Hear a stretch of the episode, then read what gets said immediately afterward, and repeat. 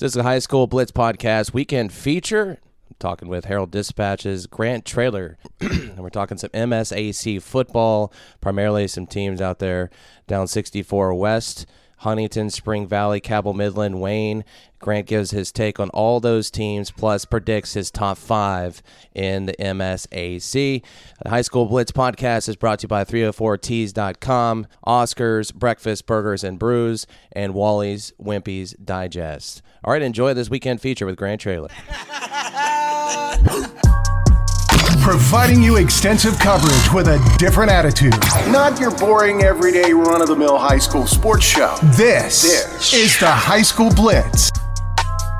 All right, let's welcome in here the High School Blitz podcast. He is from the Herald Dispatch. He is Grant Traylor. Grant, first time on the show. Welcome in, my friend. Nah, I appreciate it. Great to be here. Great to be talking high school football once again. Yeah, I, you know, I was kind of talking about that with Ryan a little bit about how almost how fast the summer went by. Thank God for that because uh, I think you and I have had this conversation too. That I wish football was uh, it could be all year round, but of course a lot of contact there. You got to keep kids healthy and. Uh, but you know it pretty much is. You got seven on sevens and, and summer sessions and you know workout sessions and all that stuff. So it is an all year around sport. But uh, I wanted to get your take. Obviously out west, um, I had Coach Billy Seals on uh, last week, and uh, you know he's he's pretty high up on his team. Um, there is some questions as far as can he still get some things going? You know, with the quarterback position, um, you know he's high up on his offensive line, but you know a lot of people are high up on this Huntington team. Are you buying some of the Kool Aid that people are selling for Huntington? Yeah, I mean, I think that uh, Huntington has the potential to be very good, but they're only going to be as good as their offensive line and defensive line produce. Uh, you look at that offensive line last year. I mean, you had obviously Darnell Wright. Everybody looks at at Darnell as the centerpiece, and rightfully so. He went to Tennessee, but uh, there was also Max Howell, who was a three-year starter that graduated off the offensive line, and and basically the entire offensive line is gone from last season. So uh, the a very new offensive line, except for Terrence Pankey, who's going to be the centerpiece of of that front. And uh, you got young guys such as sophomore Maxwell Wentz, who has made some noise at camps uh, in the preseason. But at the same time, uh, a lot of inexperience along that front, and especially with uh, Billy Seals' offense and and uh, trying to, as you said, get the quarterback established, get the running game established you absolutely have to have a strong offensive front to be able to keep that push. Uh, now, if they're able to do that, uh, the running game with Diallo Mitchell, uh, and, and Tajon Blackwell, who showed his, uh, showed his dynamic with his legs as a quarterback last year as well. So, uh, a lot of young pieces in behind that Philly Field thinks there's going to uh, be some playing time for also. So it's, it's an exciting time, but, uh, you know, Seal said it's very different because there's a lot of young guys that that they're trying to get acclimated to uh, varsity high school football. Yeah, and Mitchell gaining 10 to 15 pounds, kind of talked about that with coach, which is always good to see your running back bulk up because you are going to you know, as you know, in the in the MSAC, there's a lot of uh, the big uglies there up front. And you got to get through that line, and um, you know, then obviously the speed, the breakaway speed's got to be there as well. But um, coach was pretty high up on Mitchell and his work ethic to get bigger. Uh, so I agree with you. I think uh, the quarterback, as I mentioned, the running backs, but this starts with the offensive line and the and defensive line there for Huntington. Um, that's going to be something to watch out for. Let's shift over to uh, let's shift over to Cabell Midland. You know, tough season last year. Coach Salmons. Um, you know, he's not a guy that's used to that type of season. Um, what should we expect out of uh, out of Midland this year? No, I really think that uh, Cabell Midland could could sort of be an upstart team that uh, that sort of falls under the radar a little bit. I know it's weird to think that a Cabell Midland team that that's sort of been pretty consistent under Salmons is under the radar, but you know, Huntington and, and Spring Valley have sort of overshadowed them over the last couple of years down uh, down the western end of the state. So uh, Cabell Midland has several pieces, one being J.J. Roberts, who's Wake Forest committed at cornerback. Uh, several talented guys. I know that they uh, got a transfer running back. Uh, I think it's Jalen Johnson from South Charleston as well. That that's going to be a, a very big piece of their puzzle. Chandler Schmidt is going to have a, a big uh, impact on that offense as well. So uh, definitely the pieces for Cabell Midland and you know, as always with the Luke Salmons team, he was a Division One offensive lineman. You know that that offensive line is going to be coached well, and and they're going to be uh, pushing the ball forward and, and trying to really take the sails out of the opposition's defense. So you're expecting a massive improvement going into this year, is basically what you're saying. I would I wouldn't say a massive improvement, but I could very easily see them being a seven or eight win team. Uh, it, one thing, their their style of play is so difficult to to get acclimated to and, and to prepare for, and you know they've got 75 or 80 kids uh, playing varsity, so I mean they, they're going to be fresh. They're going to have kids going one way, and especially uh, in the fourth quarter of games, that's going to bode well for them. And and it's really hard to defend uh, their their uh, rushing attack. I know once you've got big guys up front, and uh, if their scheme and their technique is very good with their blocking, then it's very very difficult to, at the high school level to be able to block or to be able to uh, counter those blocks and, and get into gaps and get tackles. So uh, very interested to see how that plays out this year. But Cabell Midland should be a team, in my opinion, that that's in that five, six, seven range as far as uh, around the state. Let's uh let's move over to uh move over to Wayne because you know uh, somebody was telling me numbers were kind of down over there, and I don't know if it has to do with uh you know all the other schools around, some success the schools that we're mentioning, but. Um, but Wayne seems that like a, a school, and Ryan and I were talking about that could potentially have a really good season, despite the fact that you know people are talking about numbers, which I don't know where people are getting at, but um, but you know, a lot of people think that this could be a really good year for Wayne, um, and could be a special year for Wayne. Do you agree with that, or where do you see Wayne as far as this year? Well, it it has the potential. The talent is there for it to be a good year, but you look at some of the off-field things that they've had to deal with, and, and it's tough for any program to overcome. Uh, losing a guy that you know would have been uh, one of the state's top prospects coming up. Another one, that class of 2021, Cole Adams passed away in a uh, car wreck in, in late May. And so um, that's hit the town really hard, and it's hard to come back from something like that. So it'll be interesting to see whether Wayne is able to really get things together. Now, the, the nucleus is there. Uh, starts the leader at quarterback is Gunnar Harmon. He's a coach's son, and and uh, you know, Coach Tom Tom Harmon has always done a great job with the Wayne teams of of making sure that they're right and ready to go. Um, and you know, schematically, he has he has aided some of his teams in their ability to get wins just on his knowledge and 23 years of experience. So he's going to have to lean on that heavily this year. But from a mental standpoint, obviously, you know, it, it's going to be hard going out on any Friday night because Wayne's a very tight knit community, and uh, you know, I know that because it's my hometown. Yeah. Uh, I know that, that they're, you know, they're pretty hurting, uh, from the situation with Colt Adams and, and there was another, uh, fatality later just a couple weeks ago actually that, uh, is stinging the town a little bit with a, with a kid within the community. So, uh, mentally they've got a lot to overcome and they also have Spring Valley the first week of the season, which obviously physically that's something to overcome as well. But, uh, but Wayne, you know, definitely has the pieces there, but it's it's going to take a heck of a coaching job and a heck of a uh, togetherness aspect for the Pioneers to to be able to reach that eight and two level that they got to last year. Yeah, very good point, uh, Grant. With all that going around, of course, Ryan and I talked about it could lead uh, in a more positive light towards motivation, and we talked about that Spring Valley Wayne game and. You know, I was uh, trying to be nice about it, but I said kind of the same thing. And I think it's going to be really hard for Wayne to to overcome a, a team like Spring Valley the first uh, first game right out the bat. I mean, that's just tough to swallow with everything around that uh, community and that and that program. Yeah, not only that, but you know, you look at Spring Valley and Wayne, they do very similar things. I mean, uh, Brad Dingess, Spring Valley's coach, was an assistant on Tom Harmon's staff uh, before he got the head coaching job at Spring Valley. So I mean, right down to terminology and things like that. Tom Harmon and Brad Dingess are very good friends. They share ideas and and so it's almost like you're you're trying to play a bigger version of yourself.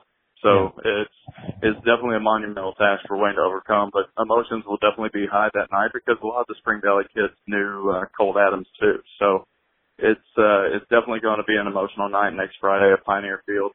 Yeah. And uh it it's going to be uh you know one of the more meaningful games in the state in my opinion, not just from the rivalry standpoint, but just from the all intrinsic you know the the emotional feel of it. Totally agree with you, Grant. Um, let's uh, let's let's go into Spring Valley. You know, they had a very, very, very special season last year. They were very close to winning a state title. They were there. Uh, I picked them. I was riding along with them. Ryan, uh, of course, you know, went with the with the favorite that everybody was going to go with. Of course, uh, Martinsburg went another one, but um, I really thought Spring Valley's year was last year. Um, they uh, the great the Grayson Malashevich kid is not there anymore. He's now at you know West Virginia, but they bring back some still some talent. This is still a loaded team um, across the board, across the state. I'm seeing a lot of preview stuff, and they're putting them right there at the top as far as one of the best teams in the state, especially in this area.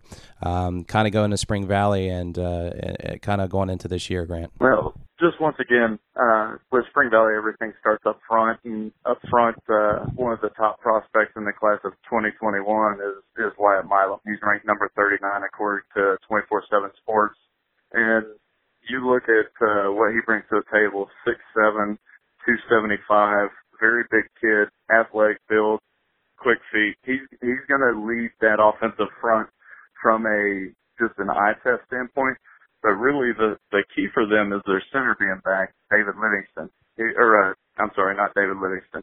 Uh, oh, kid's name is uh, escaping me right now. They have a three-year starter at center, um, Jake Hutchison. That's who it is. I'm sorry. We'll get to David Livingston here in a second. He's somebody that I want to point out for the Timberwolves as well.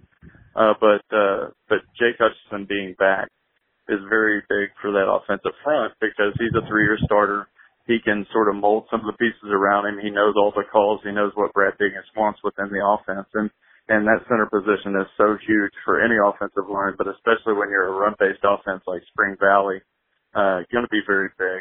They've also got quarterback Nate Ellis back. Uh, Nate Ellis is a guy that quietly went 10 and 0 as a starting quarterback last year. And, uh, not many people knew that because Will Atkins got a lot of the, a lot of the focus later on in the season into the playoff run, because he gave a, a more of a passing dynamic that was needed for the playoff run. But uh, Nate Ellis is a guy that you know is a very very athletic kid, adds a dimension to the running game that Will Atkins didn't. And is somebody that's uh, a natural leader for that team as well. Yeah, and, and another thing I want to throw in there, and I want to ask you about that uh, offense that Brad Dingess went with um, was different, obviously, and it was a mix, and it's what made them really dangerous. As we know, they they love their power football, but they went some spread. And they did some things that normally you wouldn't see the Timberwolves do. Do you see more of a mix of that continuing in uh, in Brad Dingess's team? Yeah, I, th- I think that's going to be the norm for Brad Dingess' team is that they will they'll continue to mix it up. And now I'll get into David Livingston, who I brought up earlier uh, erroneously. He's not a center, but he could probably play that position because, like Grayson Malashevich, he plays every single position on the field. Uh, talking to Brad Dingess, uh, Livingston might see some time at, at quarterback in the Wildcat. He's essentially going to move into the role that Grayson Malashevich left. Uh, could see some time at, at wingback, but unlike Grayson, he's got a little bit more size. He's a 6'3", 220 kid that's gained interest from Virginia Tech and some other places. Uh, he he's a guy that you can split out at wide receiver. If you see a matchup, he can line up a tight end. Uh, defensively, he, he, in Dingess's words, he would be the best defensive end, best linebacker, and best free safety on the team. And, uh, where he will line up will depend on how some of the younger pieces that have to flow into that defense, uh, how they improve, uh, from week to week throughout the preseason leading up to the game. But I'd expect to see him at, at the free safety spot because that gives him a little more freedom to, to make plays, but regardless, he's going to be a leader on both sides of the ball.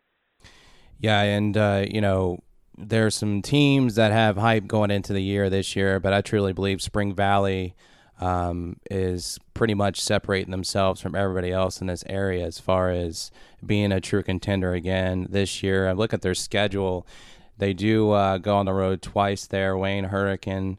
Um, but then they have a long stretch of home games Midland, South Charleston, GW, Capital. Um, and then two away games after that Riverside, St. Albans. And then they have a, a late break in the season, too, which is uh, could be beneficial. A lot of coaches like right around that probably sixth week or so. But I mean, if you can get through those next two weeks, uh, if you're talking obviously playoff time, then you welcome in right before that, which is comes right at a good time. Ashland Blazer, Kentucky, as we know, a great program out of Kentucky. Then of course that Huntington game on the road among rivals. So um, they have a long stretch there of home games. Um, they begin on the road, then they go a little bit on the road, but then they have that break late in the season. Grant, do you like where the break is as far as where the schedule is concerned? In terms of their schedule, I think that Brad Daniels wanted a little bit earlier, but I also think that the break is really good considering who their last two teams are. Ashland, Kentucky is going to be a program that is one of Kentucky's best this year. They moved down to 3A. They could potentially be a contender for a Class 3A title in Kentucky. Uh, they do have to replace quarterback over there in Ashland, but uh, definitely a team that has a lot of pieces. Uh, my daughter is a student over at Ashland Middle School, so uh, her middle school right beside their football field, and I've sort of ducked over to see a couple of their practices at times, and very, very well oiled program over there. And of course, the Huntington game. The Huntington game for the last game of the regular season is it's going to be a big points game. It's going to be a big atmosphere. It's going to have all the feel of a playoff game because that's going to dictate in my opinion, that's going to dictate somebody's home uh, home first playoff game. Uh, you know, if Huntington wins that, they might get a, a first round playoff game. If Spring Valley wins that, they might be able to clinch home field throughout. So, uh, based on the the goofy projections of a sports writer in the middle of June and July, whenever I did those, uh, that's sort of where I saw that game falling. So, that's going to be a game that that uh, you want to be at your best and having that late break, you get to heal up some injuries and get ready for what's going to be a, a final six week push uh, of all playoff teams because Ashland and Huntington are every bit as good as the four teams that you know you would see in a playoff run. So uh, definitely think that uh, there's some benefit to where it fell. I know he'd probably like it uh, probably right after that Capital game because they're going to be uh, you know pretty pretty gassed after that uh, four or five game stretch right in the middle there, but.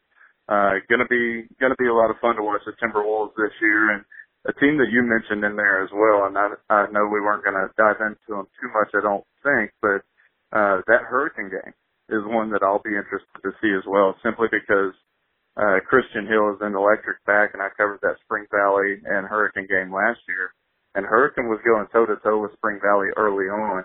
It was once a, a turnover in the passing game happened for Hurricane that resulted in a pick six in which that game started to turn pretty quickly. So uh, if Hurricane could get their uh, passing game going, then I really do think that uh, it could be a special year for Jeremy yeah, Taylor. Great, well. great point there. Never easy to play Hurricane. Uh, you know, Coach Taylor does a great job, and Christian uh, Hill, one of the best running backs in the state for sure. So, I uh, totally agree with that. And that Huntington game is going to be electric. It always is, but I do agree with you. That's going to be a huge game as far as playoffs are concerned home field, all that good stuff, which is something, uh, you know, it doesn't get any better than that. And uh, finally, I want to wrap up some high school uh, talk with you, which is your overall thoughts on the conference itself. The MSAC seems pretty wide open outside of Spring Valley. Um, and Ryan and I talked about Riverside possibly being a playoff team and, and maybe one of the more improved teams. Um, you talk about a South Charleston program missing the playoffs, which is a rarity for uh, you know Donnie Mays. I think South Charleston could make a little bit of noise. We, th- we tend to think GW, depending on you know everything with Alexander kid, but GW is probably starts with their offensive line there that struggled last year. But w- what's kind of your overall maybe a team that's going to you know make uh, more of an impact or a better season than last year, and then you know who do you who do you see at the top uh, you know taking over this conference? Well, you're you're looking at start with Spring Valley. I, I really think that Spring Valley's strength in the MSAC is is entrenched, and again, we we talked about much like with Cabell Midland, uh, the style of play is so difficult to go against because they can grind out those six, seven, eight net drives and get a score on you, and then if your team goes three and out or has a drive stall or anything like that, then you're looking at only having one possession in a 12 minute stretch and you're down 14 points, which changes your game plan tremendously. So, uh, I do think that Brad Dingess has, uh, has the pieces and, and has that machine rolling a little bit. The Spring Valley is still the team to beat. But like I said, the, the Hurricanes, the Cabell Midlands, uh, I think those teams are right there. I think Huntington is, uh, is right in that mix as well, uh, depending on if they can get some of their youngsters to play up to their abilities. And I, the GW aspect, GW is sort of a wild card for me because even though uh, the offensive and defensive lines need to improve uh, steadily for for Steve Edwards' group to be a contender, they're going to give a lot of teams fits, especially if Alexander is the quarterback, because his ability to get out, his ability to get rid of the ball quickly. I mean, the, the kid threw for almost 2,000 yards at St. Albans his first year, and St. Albans offensive and defensive fronts weren't that great either. So, uh, as a freshman throwing for 2,000 going to Georgia and coming back, he's got a lot of senior targets that, uh, that he can really take advantage of. Alex Massalon being one of them. And, uh, you look at that team and that is a team that I think, uh, it could be a potential wild card in it. And, you know, one team I didn't mention because I didn't feel I needed to mention, they're going to be right in that mix with Spring Valley, uh, sort of the, the top two teams as has been for the last couple of years as Capital. Mm-hmm. Uh, you, you lose Kerry Martin, but there's still a ton of talent. Logan Spurlock is the name that comes to mind. Chance Knox, uh, some of those guys, you know, you just look and Capital is always a well-oiled machine. Marshall Kmet, Kerry and Martin. Uh, it's just, uh, a lot of talent there. Uh, Coach John Carpenter, you know, he he's he's a spark plug in his own right. That's that's the guy that needs a podcast. I mean, every time you talk to him, it's an interesting interview, and and he's terrific to talk to, and and very passionate about what he does too. So, uh, but you know, Capital is a team that if their offensive and defensive fronts are as solid as they have been in the last two or three years, their skill level is going to be very high, and they're a team that can make a lot of noise too. So uh, right now it starts with Spring Valley, and uh, you know you look at Capital, and they're probably at number two, uh, number three, and and then you've got a, a mesh of about four or five teams that are just going to be duking it out every single week. Yeah. Totally agree with you. All right, that wraps up our high school conversation here on the High School Blitz podcast. Grant Traylor, Herald Dispatch, check him out and his work. He does uh, pretty much a little bit of everything prep sports, and now uh, and of course has done a great job with uh, covering Marshall athletics as well. Um, so, Grant, appreciate your time on the podcast, my friend. I appreciate you having me, Brandon. That does it for the weekend feature of the High School Blitz with Herald Dispatch writer Grant Traylor. Make sure to follow along with him on Twitter. Grant does a great job. Got a lot of great features coming up. Be on the lookout for more to come. Again, want to thank our sponsors 304 Teas, Oscars, Breakfast, Burgers, and Brews, and Wally's and Wimpy's Digest. Make sure to check out all their good stuff there. All right, till next time, this is the High School Blitz Podcast.